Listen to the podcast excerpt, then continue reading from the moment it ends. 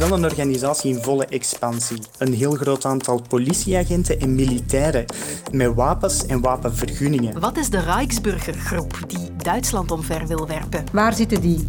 Hoe ver is dat ook? Vietnam. Brussel als draaischijf van Vietnamese mensenhandel. Waarom merken wij dat amper? Hoe kan het dat iemand zo snel kan evolueren? Ja, leeftijd. Hij is over. Over datum. En, en over zijn datum. En wanneer is een topsporter over zijn houdbaarheidsdatum heen? Veel nieuws voor één kwartier, maar het moet lukken. Ik ben Katrien Boon. Welkom.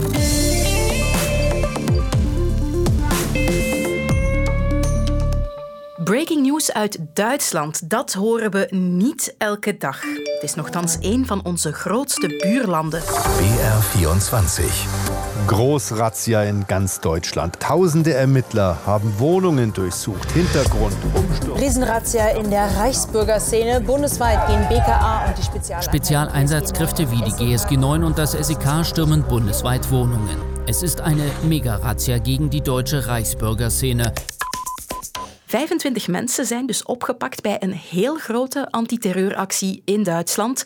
Mensen die banden hebben met de Rijksburgergroep, een extreemrechtse groep, die blijkbaar plannen had voor een gewapende aanval op het Duitse parlement. En ik haal daar meteen even onze Duitsland-specialist bij, Jeroen Rijgaard. Jij hebt de laatste stand van zaken daar. Wel, vanmiddag heeft het eh, Bondsparket meer uitleg gegeven en ze spraken eigenlijk over het feit dat er een binnenlandse terreurcel was met in de 50 mensen, opgericht in november 2021, met de bedoeling de democratie in Duitsland omver te werpen. Die 50 mensen die kwamen uit ja, zowat twee hoeken, de QAnon-theorie enerzijds en dan Rijksburgers anderzijds. En ze waren zich aan het voorbereiden om Duitsland over te nemen. Voor sommige ministeries hadden ze zelfs al namen voorzien. Naast die politiek was er ook een militaire arm die dus de Bondsdag wou innemen om de nieuwe regering te installeren. Er is ook heel wat uh, militair materieel gevonden, maar daarover heeft het parket nog geen details gegeven. Wel wat extra cijfers. Er waren zo'n 3000 politiemannen bij betrokken. Op 150 plaatsen waren er invallen verspreid over 11 deelstaten. En de 25 verdachten die moeten dus ja, vandaag en morgen ten laatste tegen morgen middernacht voorgeleid worden. Nu, ik moet wel toegeven, die Rijksburgergroep, ik had daar tot vanmorgen nog niet van gehoord. Ik lees dingen als extreem rechts en terreur, maar ook tegen de republiek, terug naar de monarchie, verlangen naar het Duitse keizerrijk. Dat is heel veel op een hoopje, dus ik heb een expert nodig om daar wat klaarheid in te scheppen. Ah, ik hoor iets. Ja, ik ben er nu. Goedemiddag, Olivier Koubergs. Jij doet bij Textgain onderzoek naar online extremisme en radicalisering. Wat kan jij mij vertellen over die Rijksburgergroep? Die Rijksburgerbeweging eigenlijk is een, eh, een overkoepelende beweging van een aantal verschillende extreemrechtse organisaties en ook uh, individuen onder een, een, gemeenschappelijk doel. En in dit geval is dat het herstellen van het, uh, het Germaanse Rijk zoals we dat kenden tussen 1871 en 1918. En zij zien alle handelingen die daarna zijn gesteld, dus na 1918, de landsgrenzen, het installeren van een nieuwe grondwet en dergelijke, als illegaal. Zij erkennen Duitsland dus niet als een land en ook de huidige overheid niet als legitiem. En ja, als een gevolg zijn er bijvoorbeeld leden van die beweging die vanuit deze gedachtegang geen boetes of belastingen betalen. Mag ik ze dan gewoon in de extreem rechtse hoek zetten of, of komt er toch meer bij kijken? Nee, ik denk dat we ze wel kunnen zien als extreem rechts, um, omdat er in de beweging ook heel veel organisaties zitten die ook antisemitisch zijn of extreemrechtse samenzweringstheorieën volgen, ook al is niet iedereen even extreem. De Duitse inlichtingendiensten schatten het aantal leden op een 18 tot 21.000. Maar er zijn eigenlijk twee dingen die veel belangrijker zijn. En dat is ten eerste werd de grootte van de organisatie in 2016 geschat op nog maar 10.000 leden. Dus het is wel een organisatie in volle expansie. En wat misschien nog belangrijker is, is dat de organisatie ook beschikt over een groot aantal leden met wapens en wapenvergunningen.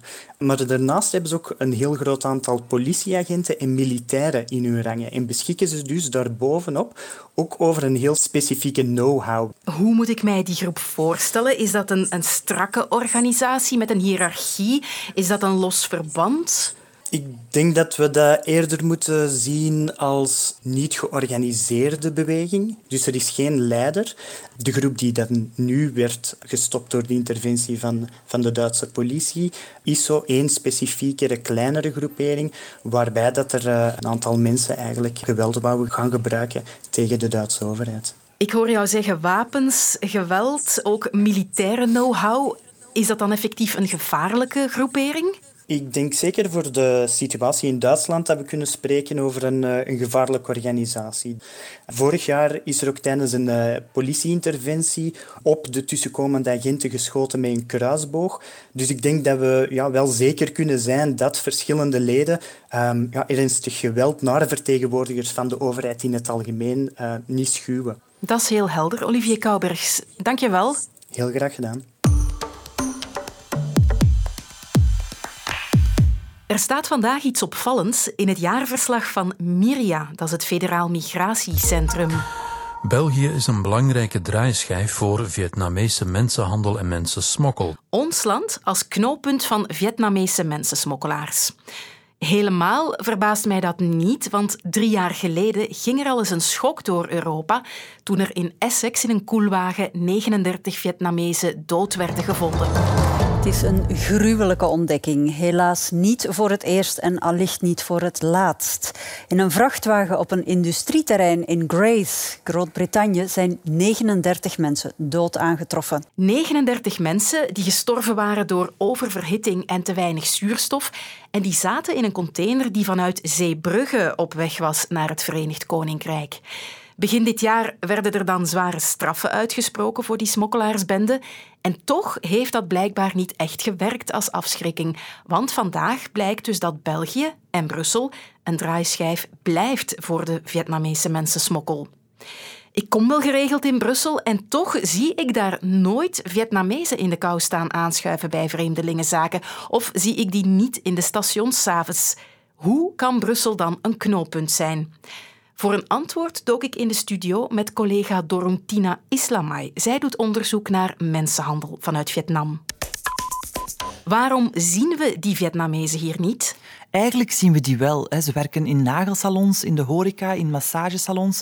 En soms ja, zijn we daar ook klant. Zij zijn heel wantrouwig naar politie, naar journalisten. Vaak kennen zij ook de taal niet. Heel veel van de mensen die hier terechtkomen spreken geen Engels.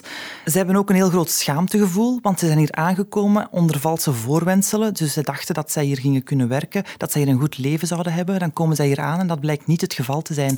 Wie zijn die mensen? Ja, het is een zeer kwetsbare groep, want het gaat vaak ook over minderjarigen. Het zijn vaak katholieken die uit eenzelfde kustregio van in Centraal-Vietnam komen. En eh, het is een, een heel gesloten gemeenschap daar ook. Ze kennen elkaar ook allemaal vaak. Soms is het ook familie van elkaar. Ze zeggen ook van het is een onkel van mij, terwijl het ook een smokkelaar blijkt te zijn.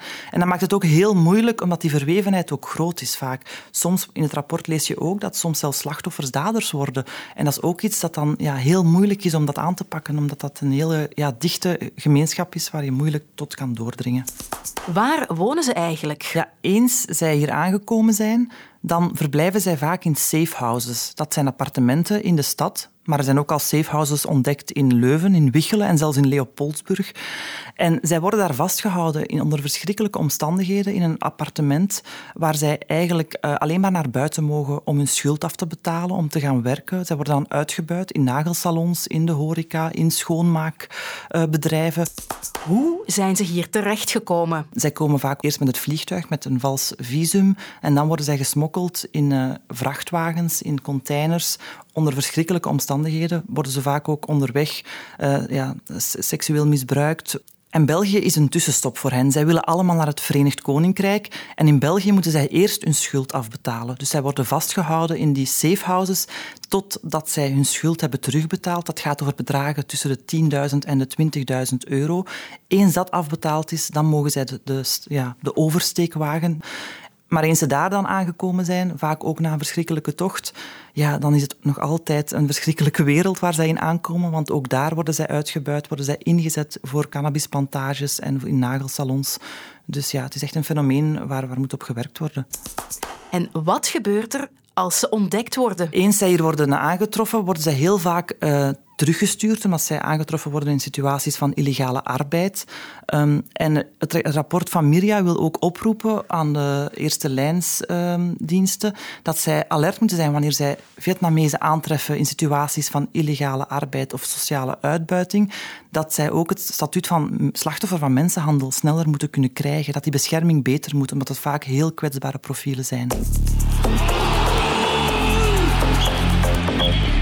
Het is rustdag op het WK voetbal. Alle achtste finales die zijn gespeeld met gisteren als laatste de match tussen Portugal en Zwitserland. En de titel bij Sporza die zegt alles. Portugal maakt gemalen kaas van Zwitserland. 6-1 werd het.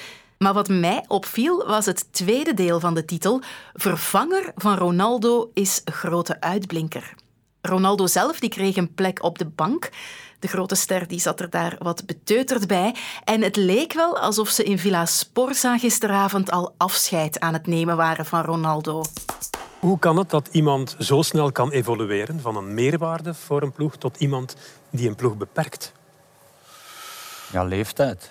Ik denk dat hij ja, is toch een van de beste spitsen die er ooit heeft uh, rondgelopen. Maar ja, komt en wat heeft, leeftijd... hij, wat heeft hij nu minder, Bob, dan, snelheid, dan tweede Snelheid, actie. Ja, je hoort het verdikt. Te oud. Ook bij onze Rode Duivels was er al gedoe over die leeftijd. En net vandaag komt dan ook nog dit nieuws. De 31-jarige Eden Hazard stopt als Rode Duivel. Dat maakte hij zelf op zijn Instagram bekend. Vandaag draaien we een bladzijde om. Bedankt voor jullie liefde, bedankt voor jullie ongeëvenaarde steun. Ja, een makkelijke beslissing kan dat niet zijn. Want hoe weet je als topsporter wanneer je over je hoogtepunt heen bent? Ik vroeg het aan mensen die zelf in de topsport hebben gezeten. Voormalig turnster Aagje van Wallegem en ex-Rode Duivel-doelman Geert de Vlieger. Het is sowieso altijd een proces natuurlijk. Het is iets niets dat je van vandaag op morgen beslist. Dat is iets, als het goed is, dat je zelf stilaan begint aan te voelen. Maar als je goed omringd bent, word je er ook op gewezen. En dan stel je wel vast van oké, je moet er toch eens over gaan nadenken en eens verder vooruit gaan kijken. En dan, ja, denk ik zoals Eden Hazard, nu beslis je op het goede moment om de juiste beslissing te nemen. Voor mij persoonlijk als topsporter was het mentale minstens zo belangrijk als het fysieke. Door het feit dat ik toch wel heel veel blessures heb gehad in mijn carrière, ja, werd ik wel wat bang om mij opnieuw te blesseren. En dan kwam het mentale aspect de kop opsteken, want ik kreeg schrik. En omdat ik te veel schrik begon te krijgen, genoot ik niet meer van mijn sport. En ja, als je het plezier verliest, dan wordt het heel moeilijk om elke dag zes uur per dag te trainen.